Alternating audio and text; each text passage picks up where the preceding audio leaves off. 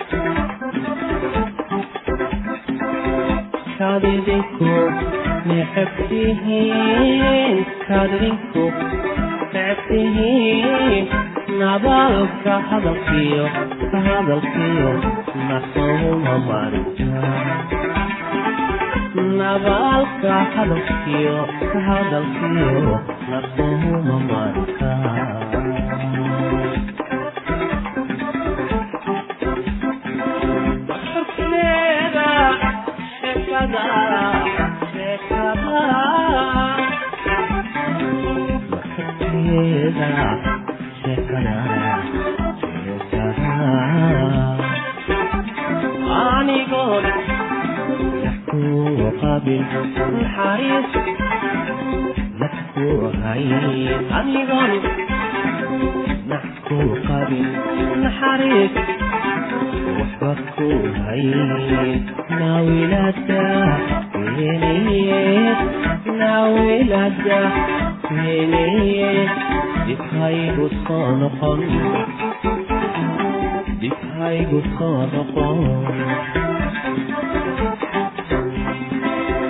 naawilada weleyeed naawilada weleyeed dhibhaygu soo noqon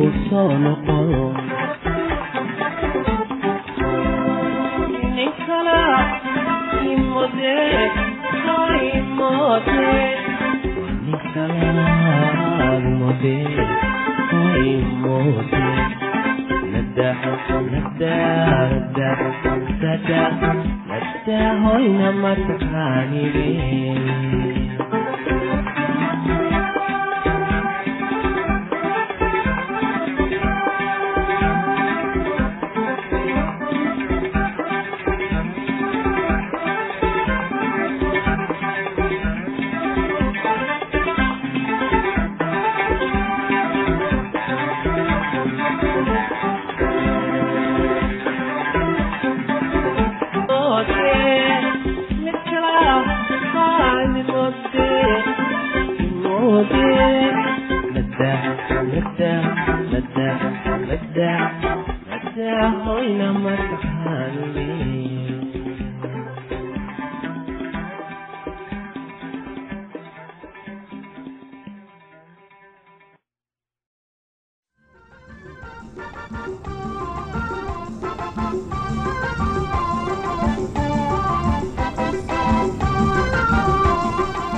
haddaba isaga ku soo hadalnay markay cunaha ku dhacdo dhibaatada ay leedahay haddana markay caloosha ku dhacda ayuu inoo marayey waxaana ku xigi doono marka t bdu ay infectionkeedu ka imaan kara xataa dabada. Marka caloosha sidaan hore uga hadalnaba t bdu madhecirka ayay baabi'inaysaa meeshii xuubkaa dilaacayo calooshiya mataqaanaa xuubkeedii baa dilaacayo meeshii biyaa ku fakanayo beerkii ayaa dhibaatoobayo oo liver absasa dhacayo qofka wuxuu dareemayaa tabardarar kale xanuunuu dareemayaa madaxa xanuunayo lafiyaa garaacamayo calooshiyaa barareyso cuntadii ma qaadan karayo. Marka iyadana waxaa loo baahan yahay marka calaamadaha noocaas isku arko caloosha soo bararto oo qofku mataqaanaa beerkii bararo. Marka macnaha waxaa jiri karayso in mataqaanaa t b du ay keentay dhibaato marka t b ayaa jirto oo xuubkaasiti caloosha kuwa dahaaran ayaa meesha mataqaanaa dilaaci karta. Meeshii biyaa fadhiisan kara inflammation xanuun baa ka dilaacayo. Marka caloosha ayay isu gudbi kartaa madcerada kale u sii gudbi kartaa keliyaha isu gudbi kartaa. Bacteriyadu intaas xubnaha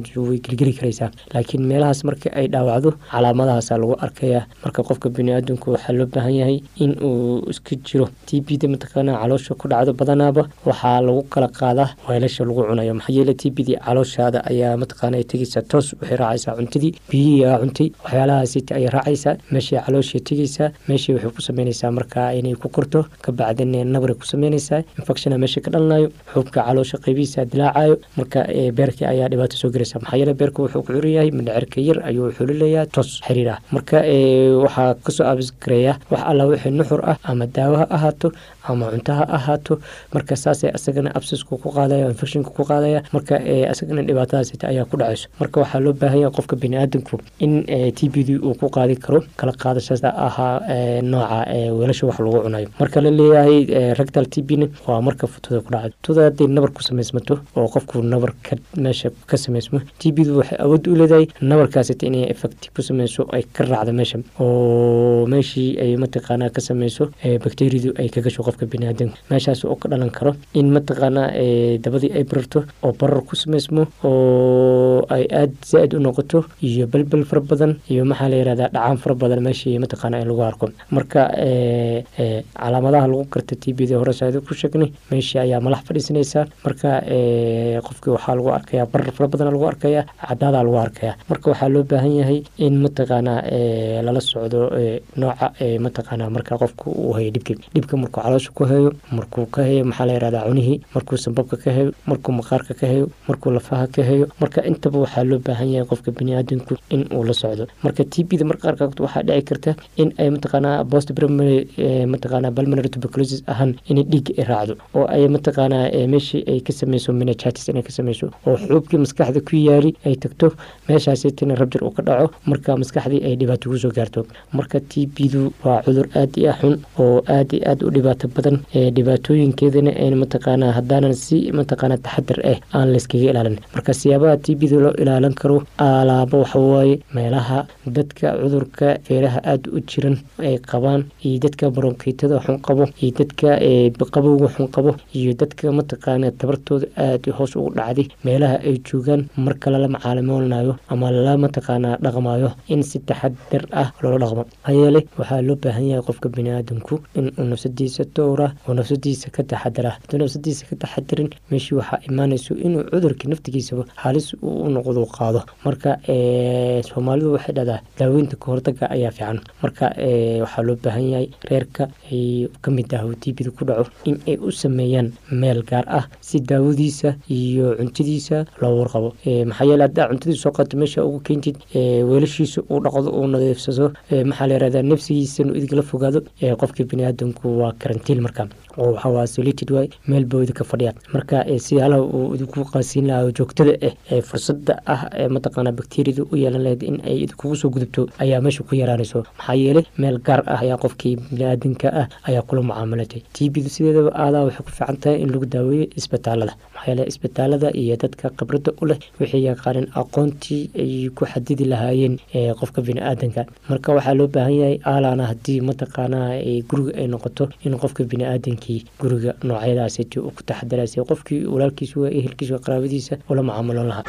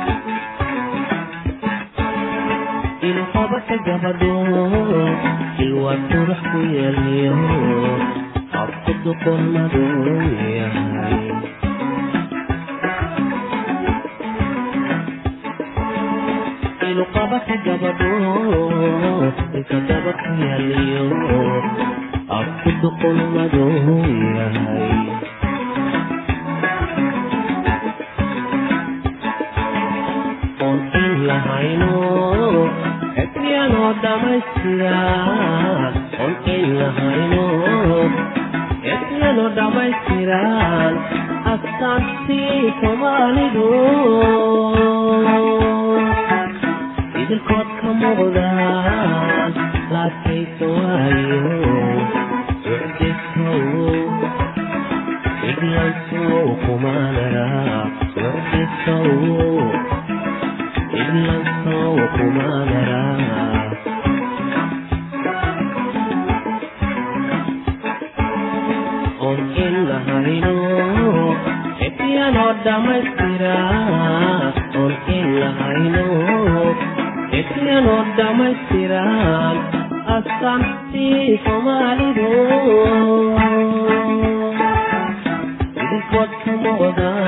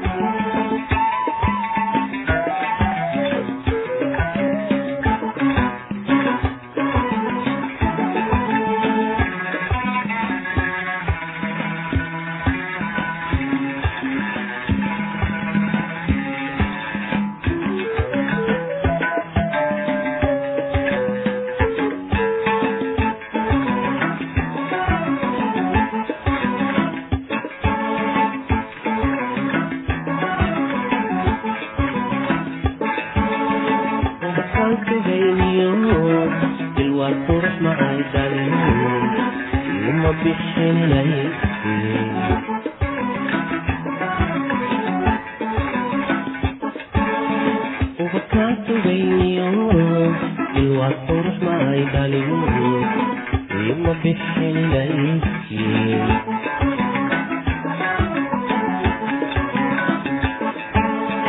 ayamaha filayniyo anigama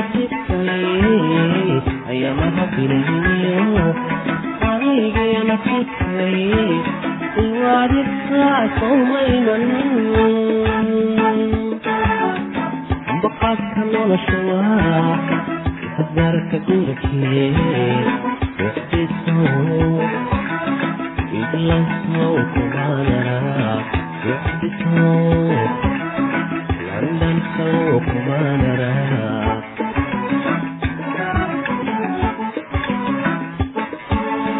ayamaha filayniyo anigii nasiibkay ayamaha filayniyo anigii nasiibkay ilwaadibtaasoomayman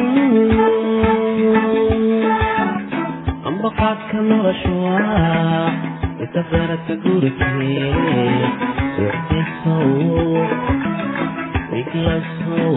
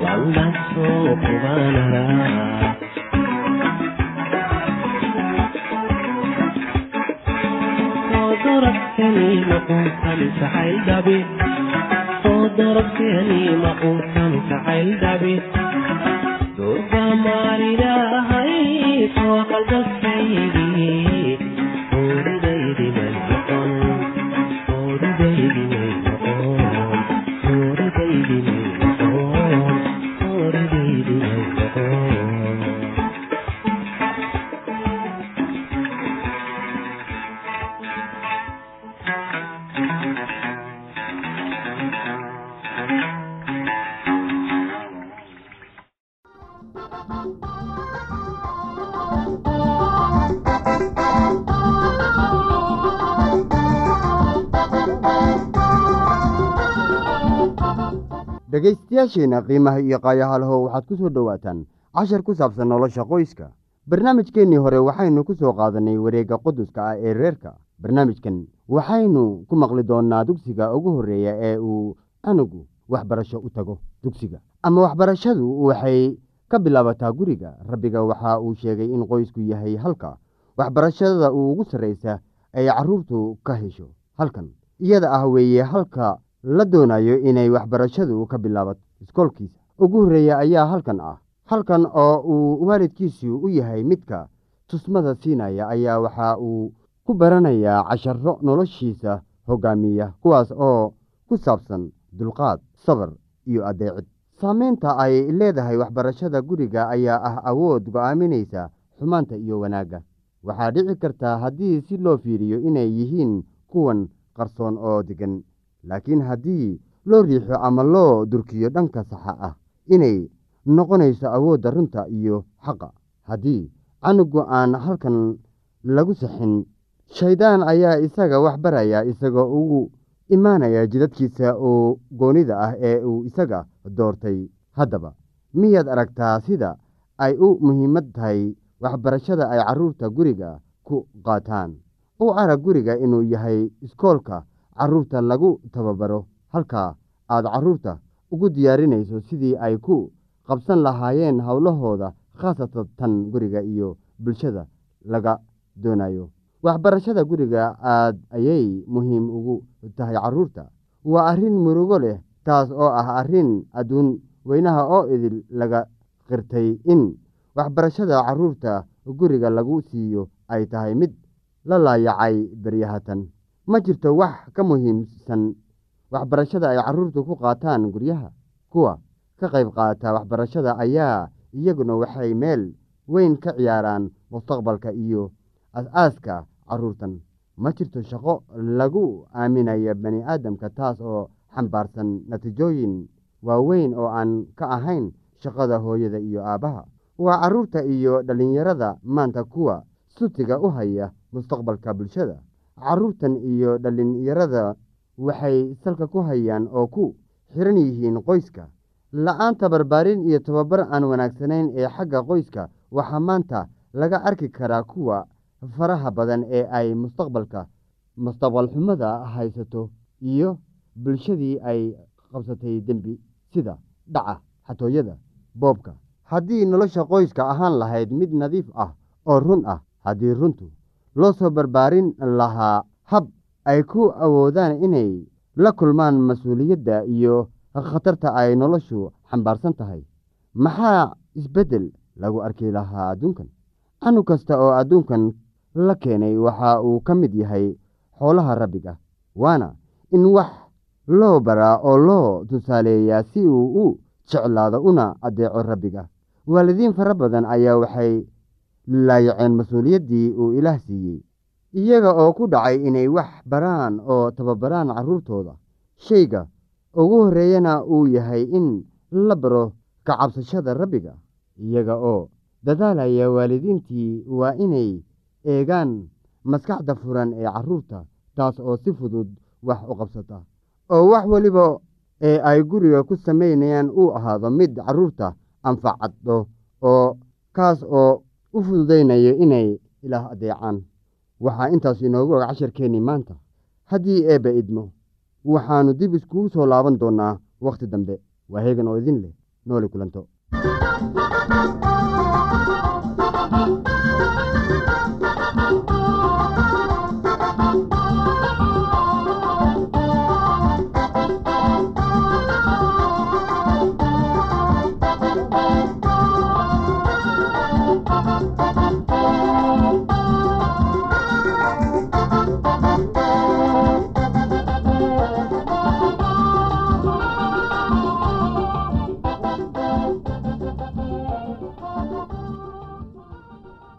haddii aad qabto wax su'aalaha fadlan inala soo xiriir. ciwaankeenna waa radio somaly at yahu t com. Mar labaad ciwaankeenna waa radio somaly at yahu dt com. Barnaamijyadeena maanta waa naga intaas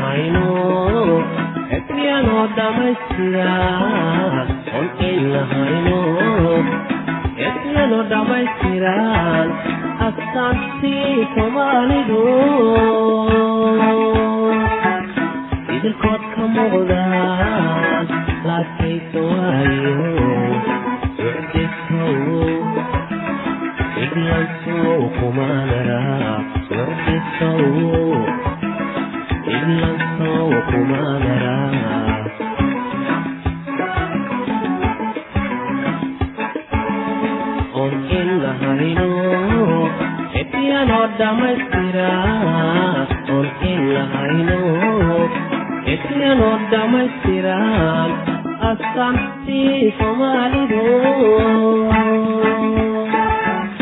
idinkood kama wadaan laakaysa waayo socdiso idlansaw kumaanaa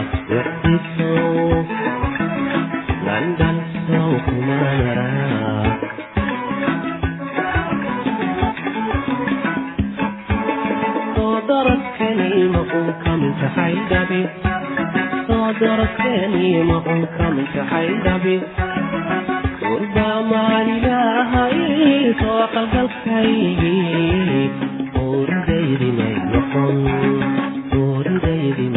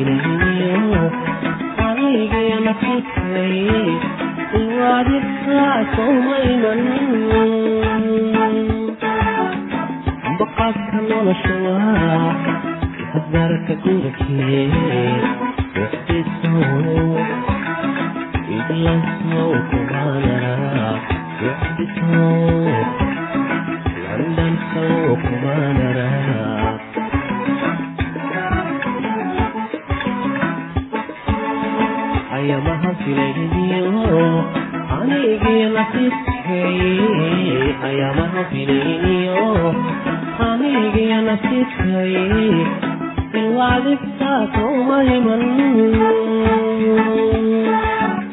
amba qaadka noloshuwa itafarata gurikee ixtisow iglasow kuma garaab socdisow